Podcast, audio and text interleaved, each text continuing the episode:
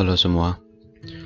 Pembahasan yang lalu kita sudah mendiskusikan mengenai strategi pemberantasan korupsi. Hampir dari kita sepakat kalau memberantas korupsi tidak hanya dari sisi hukum pidana atau dari sisi represif aja, namun juga dari sisi preventif. Nah, pembahasan berikut ini ada kaitannya dengan sisi preventif ini yang telah kita bahas. Kita akan sama-sama belajar mengenai gerakan, kerjasama, dan instrumen pencegahan korupsi secara internasional. Pembahasan ini penting karena kita akan mengetahui bahwa korupsi tidak hanya persoalan Indonesia saja, tetapi juga sudah menjadi isu dunia secara universal.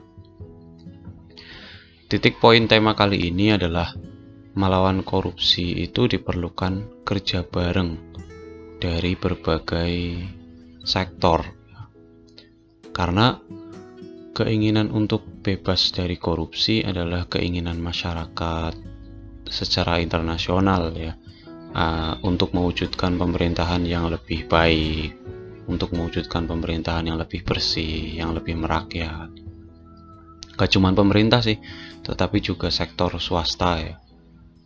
Karena jika pemberantasan korupsi hanya dibebankan kepada pemerintah saja, ya berat. Kita sudah membahas ini di sesi sebelumnya.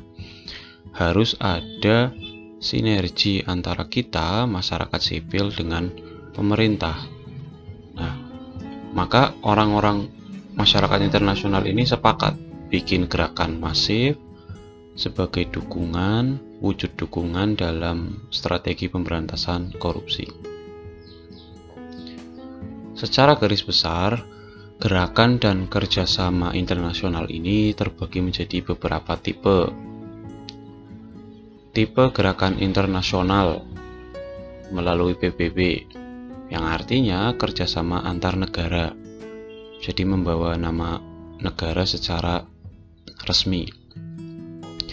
Tipe yang kedua adalah gerakan masyarakat sipil dengan NGOs atau Non-Government Organization atau LSM internasional. Jadi lembaga non-pemerintahan yang sekupnya luas atau secara internasional. Yang pertama, gerakan organisasi internasional yang bersifat kenegaraan. Yang pertama PBB. PBB ini lima tahun sekali menyelenggarakan sebuah kongres tentang pencegahan kejahatan dan perlakuan terhadap penjahat. Dalam kongres ini, isu korupsi ini sudah lama dibahas. Mereka sadar jika korupsi itu sama jahatnya dengan pembunuhan berantai, sama memberikan efek domino yang sangat panjang. Nah, kongres ini juga menegaskan perlunya pengembangan strategi global melawan korupsi. Nah, dari sini muncul konsep pemberantasan korupsi dengan pendekatan multidisiplin. Artinya, tidak hanya dari sisi hukum saja yang sudah kita bahas, ya, tidak hanya dari sisi pidana.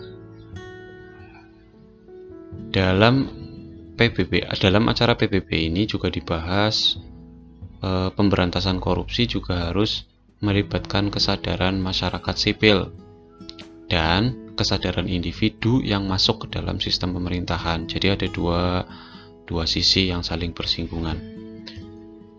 Nah, harus dibarengi dengan kemauan politik yang kuat dari pemerintah atau political will. Ya bisa dilihat di situ. Wujudnya apa? Part berikutnya, adanya keseimbangan atau balancing. Keseimbangan porsi antara eksekutif, legislatif, dan yudikatif. Idealnya jangan semua dikuasai melalui politik praktis atau melalui partai politik. Political will yang kuat juga harus dibarengi dengan pemberdayaan masyarakat sipil. Diajak ngobrol, diajak untuk ikut memonitor kerja pemerintah, dilibatkan. Ya. Maka dari sini perlu juga adanya media yang independen dan bebas dalam memberitakan ke publik. Ya kan, dengan media yang independen semua akan transparan dan masyarakat ikut memonitor, masyarakat ikut dilibatkan. Nah, keempat poin ini menjadi circle yang berkelanjutan atau lingkaran pola yang berkelanjutan jika ingin terbebas dari korupsi. Memang agak melibatkan banyak orang dan agak ribet, tetapi ini menjadi pola yang sangat teratur jika semua ditaati, insya Allah bisa terbebas dari korupsi. Di Indonesia sekarang, political will aja masih nggak begitu kuat. Sektor balancing juga diisi semua di, hampir semua diisi oleh orang parpol.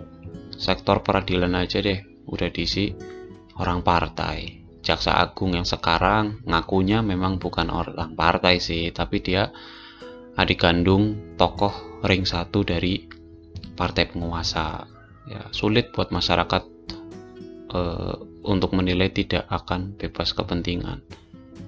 Nah, komponen berikutnya, masyarakat sipil ini tidak dilibatkan dalam pengambil kebijakan. Kemarin ketika proses pemilihan panpel KPK saja, masyarakat sudah koar-koar. Ini nggak begini caranya, tetapi masih lanjut aja. Data dari ICW atau koalisi masyarakat anti korupsi misalkan. Dari pukatnya UGM misalkan. Itu ya cuma berhenti di berita cuma berhenti di data. Masukannya nggak dipakai dalam uh, political will ini. Medianya juga beberapa sudah dimiliki oleh orang partai kalian tahu sendiri TV mana yang dimiliki orang-orang partai kan akhirnya menjadi lebih sulit dalam kita memberantas korupsi Next, gerakan internasional berikutnya Bank Dunia atau World Bank. World Bank Institute mengembangkan sebuah program bernama Anti Corruption Core Program. Program ini bertujuan menanamkan kesadaran adanya korupsi dan pelibatan masyarakat sipil untuk pemberantasan korupsi. Nah, memberantas korupsi itu ada dua pendekatan program menurut World Bank, yakni pendekatan dari bawah atau bottom up dan yang kedua pendekatan dari atas atau top down. Pendekatan bottom up dimulai dari masyarakatnya, dimulai dari bawah yang paling bawah, meningkatkan awareness atau awareness apa? kesadaran memberantas korupsi. Ya, kemudian membangun networking dalam pengembangan e, mengembangkan rasa percaya atau trust dalam pemberdayaan sosial kapital nggak sedikit orang yang trustnya e, menurun atau rasa percayanya menurun ya gara-gara melihat fakta di lapangan juga penyediaan data tentang efisiensi dan efektivitas pelayanan kemudian pelatihan oleh Bank Dunia yang kemudian secara keseluruhan program dari bottom up ini eh, dikonstruk atau disusun sendiri oleh masing-masing negara. Nah, jadi program pemberantasan korupsi ini nantinya disusun oleh masing-masing negara sesuai dengan ciri dan kebutuhan dari negara itu sendiri. Jadi eh, organisasi ini atau gerakan ini hanya memberikan rambu-rambu teknisnya dikembalikan lagi kepada masing-masing negara. Pendekatan kedua top down dari atas artinya reformasi sistem di semua lini bongkar semua ganti semua ya hukum ya politik ya ekonomi administrasi pemerintahan dan lain-lain. Semua direformasi dari atas. Nah kalau atasnya berubah nanti yang ke bawah ikut. Ya. nah mata kuliah ini merupakan salah satu upaya bottom up menanamkan kesadaran dari bawah. Kamu calon mahasiswa eh sorry kamu mahasiswa calon pemimpin negara diberikan kesadaran dulu. Oke okay, next nah gerakan kedua. OECD Organization for Economic Cooperation and Development. Sebuah organisasi kerjasama dan pembangunan ekonomi yang terdiri dari 36 negara. Dulu ketika dibentuk uh, kurang lebih 30-an negara 30 lah.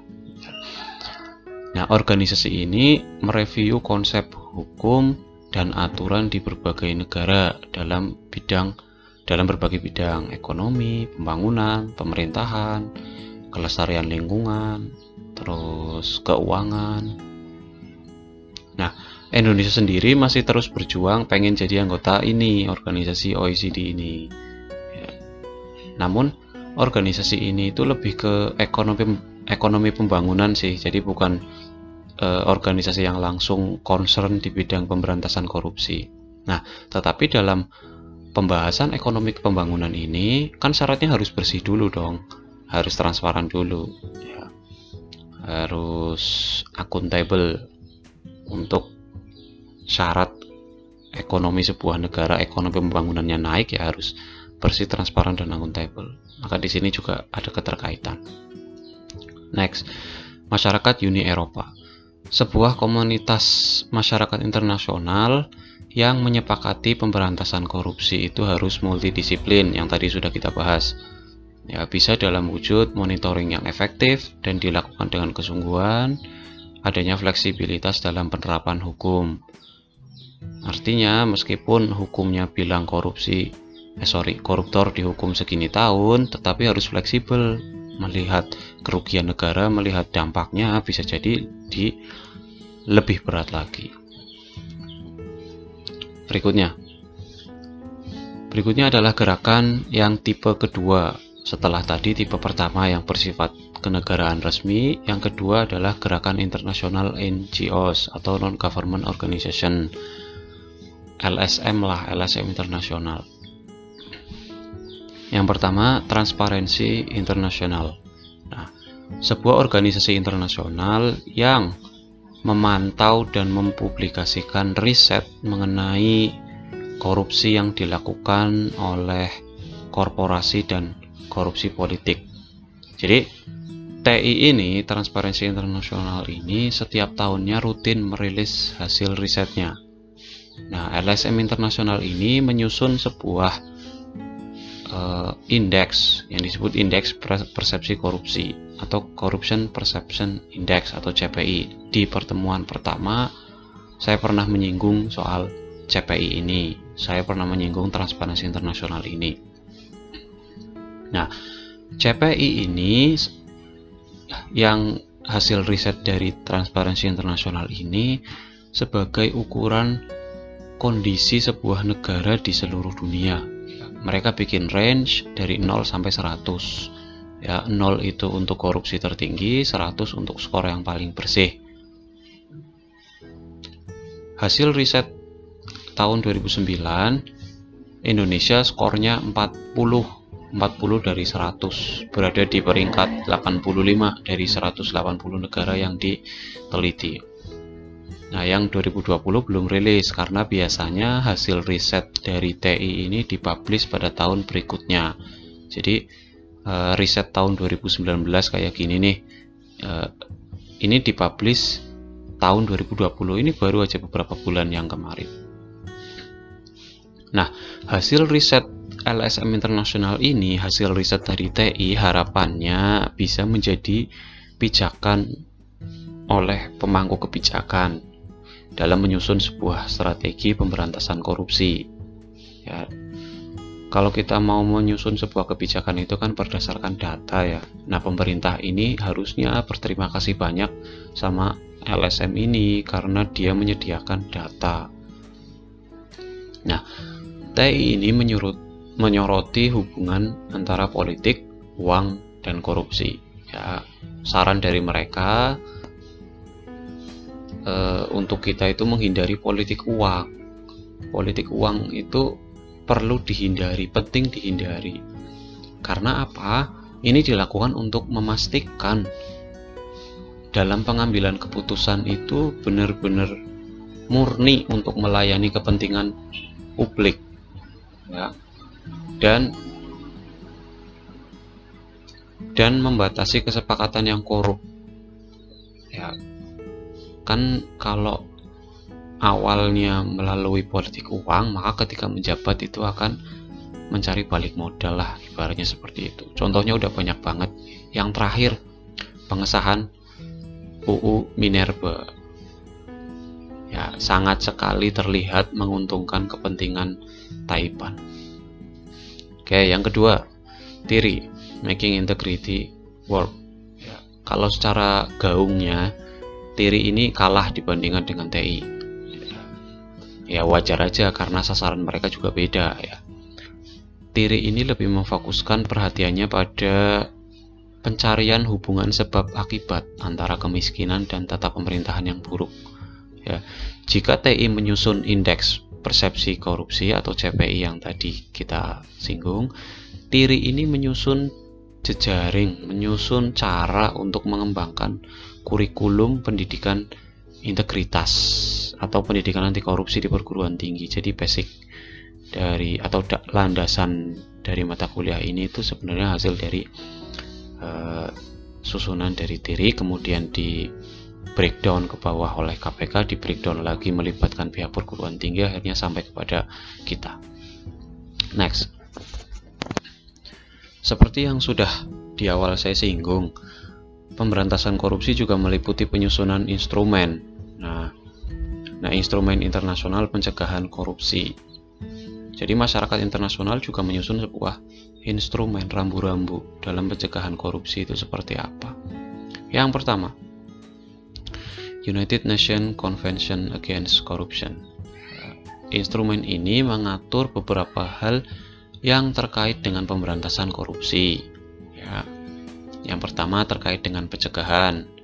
Ada pembentukan badan anti korupsi, peningkatan transparansi dalam pembiayaan pemilu dan parpol, efisiensi transparansi pelayanan publik, rekrutmen pelayanan publik atau PNS, ya dan seterusnya lah. Kalian bisa baca sendiri. Nah beberapa instrumen dari yang berderet itu sudah diterapkan di Indonesia. Ada yang sudah. Ya karena Indonesia juga turut terlibat dalam kegiatan itu ya saat itu misalkan pembentukan badan korupsi kita udah bentuk KPK ya. Kemudian rekrutmen pelayanan publik sekarang CPNS sudah pakai CAT nggak ada lagi Eh, menjadi CPNS, eh, menjadi PNS karena orang dalam. Semua harus melalui satu pintu. Ada tes SKD ada tes SKB dua kali tes melalui CAT semua. Hasilnya melalui komputer saat diklik selesai tes saat itu juga muncul hasilnya nah tetapi dari sederet instrumen yang itu yang sudah terpampang di situ juga masih ada yang belum diterapkan. Kira-kira apa? Ya kalian bisa tuliskan nanti di reply. Yang kedua berkaitan dengan kriminalisasi. Instrumen ini atau rambu-rambu ini mengatur bagaimana membuat aturan dalam menindak perbuatan korupsi. Jadi lebih ke e, peraturan pidana ya untuk menjerat tindak pidana korupsi atau tipikor di berbagai sektor itu gimana rambu-rambunya yang ketiga membahas kerjasama internasional Negara-negara yang menandatangani konvensi ini sepakat bekerja sama dalam uh, setiap langkah pemberantasan korupsi. Misalkan uh, ikutan mengekstradisi jika ada pelaku yang kabur ke negara lain. Korupsinya di Indonesia kabur ke negara lain. Lah. Nanti pemerintahan Indonesia menyurati dari negara tersebut, nanti pemerintahan tersebut mengekstradisi si uh, tersangka korupsi ini. Juga mengikut eh, ikutan penelusuran menelusuri. Kita kan sering kan kerjasama dengan Interpol negara lain. Jadi saling mendukung satu dengan yang lainnya demi eh, pencegahan korupsi yang keempat pengembalian aset nah ini terkait dengan poin ketiga tadi ya aset-aset koruptor yang disimpan di luar negeri atau di negara lain itu bisa dikembalikan Nah, tapi yang susah adalah jika peraturan atau aturan main pengembalian aset ini berbenturan dengan aturan kerahasiaan bank.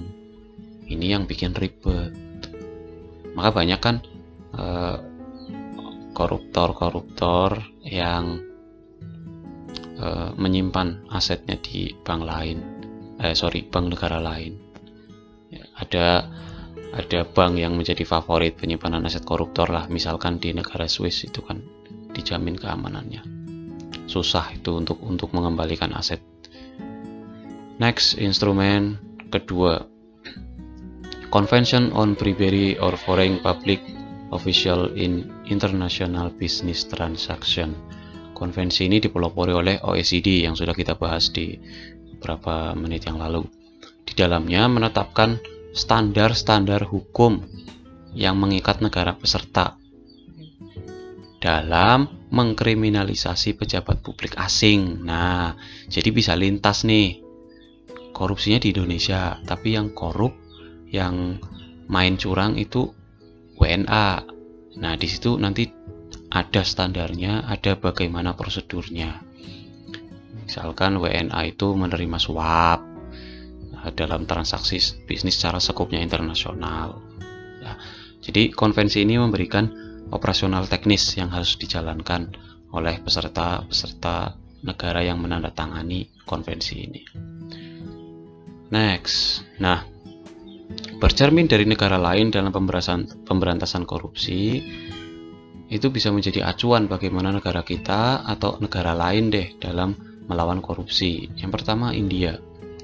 India ini membuat kebijakan yang cukup unik ya. Menarik pecahan mata uang bernominal 500 dan 1000 rupiah. Ini salah satu pecahan yang dengan nilainya tertinggi. Jadi jika ada nominal ini yang di eh, melakukan transaksi secara besar-besaran, orang-orang akan akan ramai tuh. Ketika kebijakan ini diberlakukan, orang-orang akan ramai menukarkan mata uangnya. Nah, jadi harapannya pemerintah India nanti bisa memonitor nih rekening mana aja yang menimbun mata uang yang banyak lalu ditelusuri dari mana hasilnya selengkapnya bisa kalian cari deh di Google aturan ini memang unik ya e, karena strategi ini juga memunculkan banyak kendala yang gak sederhana sangat kompleks sekali ya silahkan bisa di Google sendiri berikutnya China nah China ini menerapkan hukuman mati bolak-balik beberapa kali di sesi kuliah kita ada beberapa dari kamu yang bilang hukuman mati aja, hukuman mati aja. Ini me, e, mengacu pada Cina. Ya. Pengennya hukuman mati ngikut Cina, tapi kebijakan politiknya, kebijakan ekonominya ketika mengikuti Cina pada protes. Ya, memang orang Indonesia tak e, unik ya. Nah, hukuman mati bagi koruptor di Cina ini sudah menjadi komitmen yang kuat bagi para pemimpin-pemimpin di sana ya. Ada satu quotes dari pemimpin China saat itu, saya lupa apakah itu dari Xi Jinping presiden sekarang atau presiden sebelumnya. Kayaknya sih presiden sebelumnya ya, karena saya ingat saya quotes ini uh, cukup terkenal dalam beberapa waktu ke belakang dan bukan baru-baru ini. Presiden lawas itu saya lupa namanya. Quote-nya bilang gini. Beri saya 100 peti mati, 99 akan saya gunakan untuk mengubur pejahat pen, e, mengubur pejabat yang korupsi dan satu itu untuk saya jika saya berbuat korupsi. Jadi ada komitmen dari pihak pemerintahan itu sendiri. Yang ketiga Hong Kong. Hong Kong ini negara yang dianggap masyarakat dunia, masyarakat luas sukses menekan angka korupsi. Ya, tanpa tanpa adanya hukuman mati. Nah, Hong Kong bikin semacam KPK ya namanya Independent Commission Against Corruption. Ya, KPK lah. Coba kalian baca sejarah lahirnya KPK-nya Hong Kong di sana. Itu sangat terus sekali. Kondisi Hong Kong saat itu sangat uh, merip uh, apa ya lebih parah lah dari Indonesia. Ya. Lembaga ini sudah lahir lama dan sangat berdedikasi, independensinya juga terjamin dan bebas dari politisasi.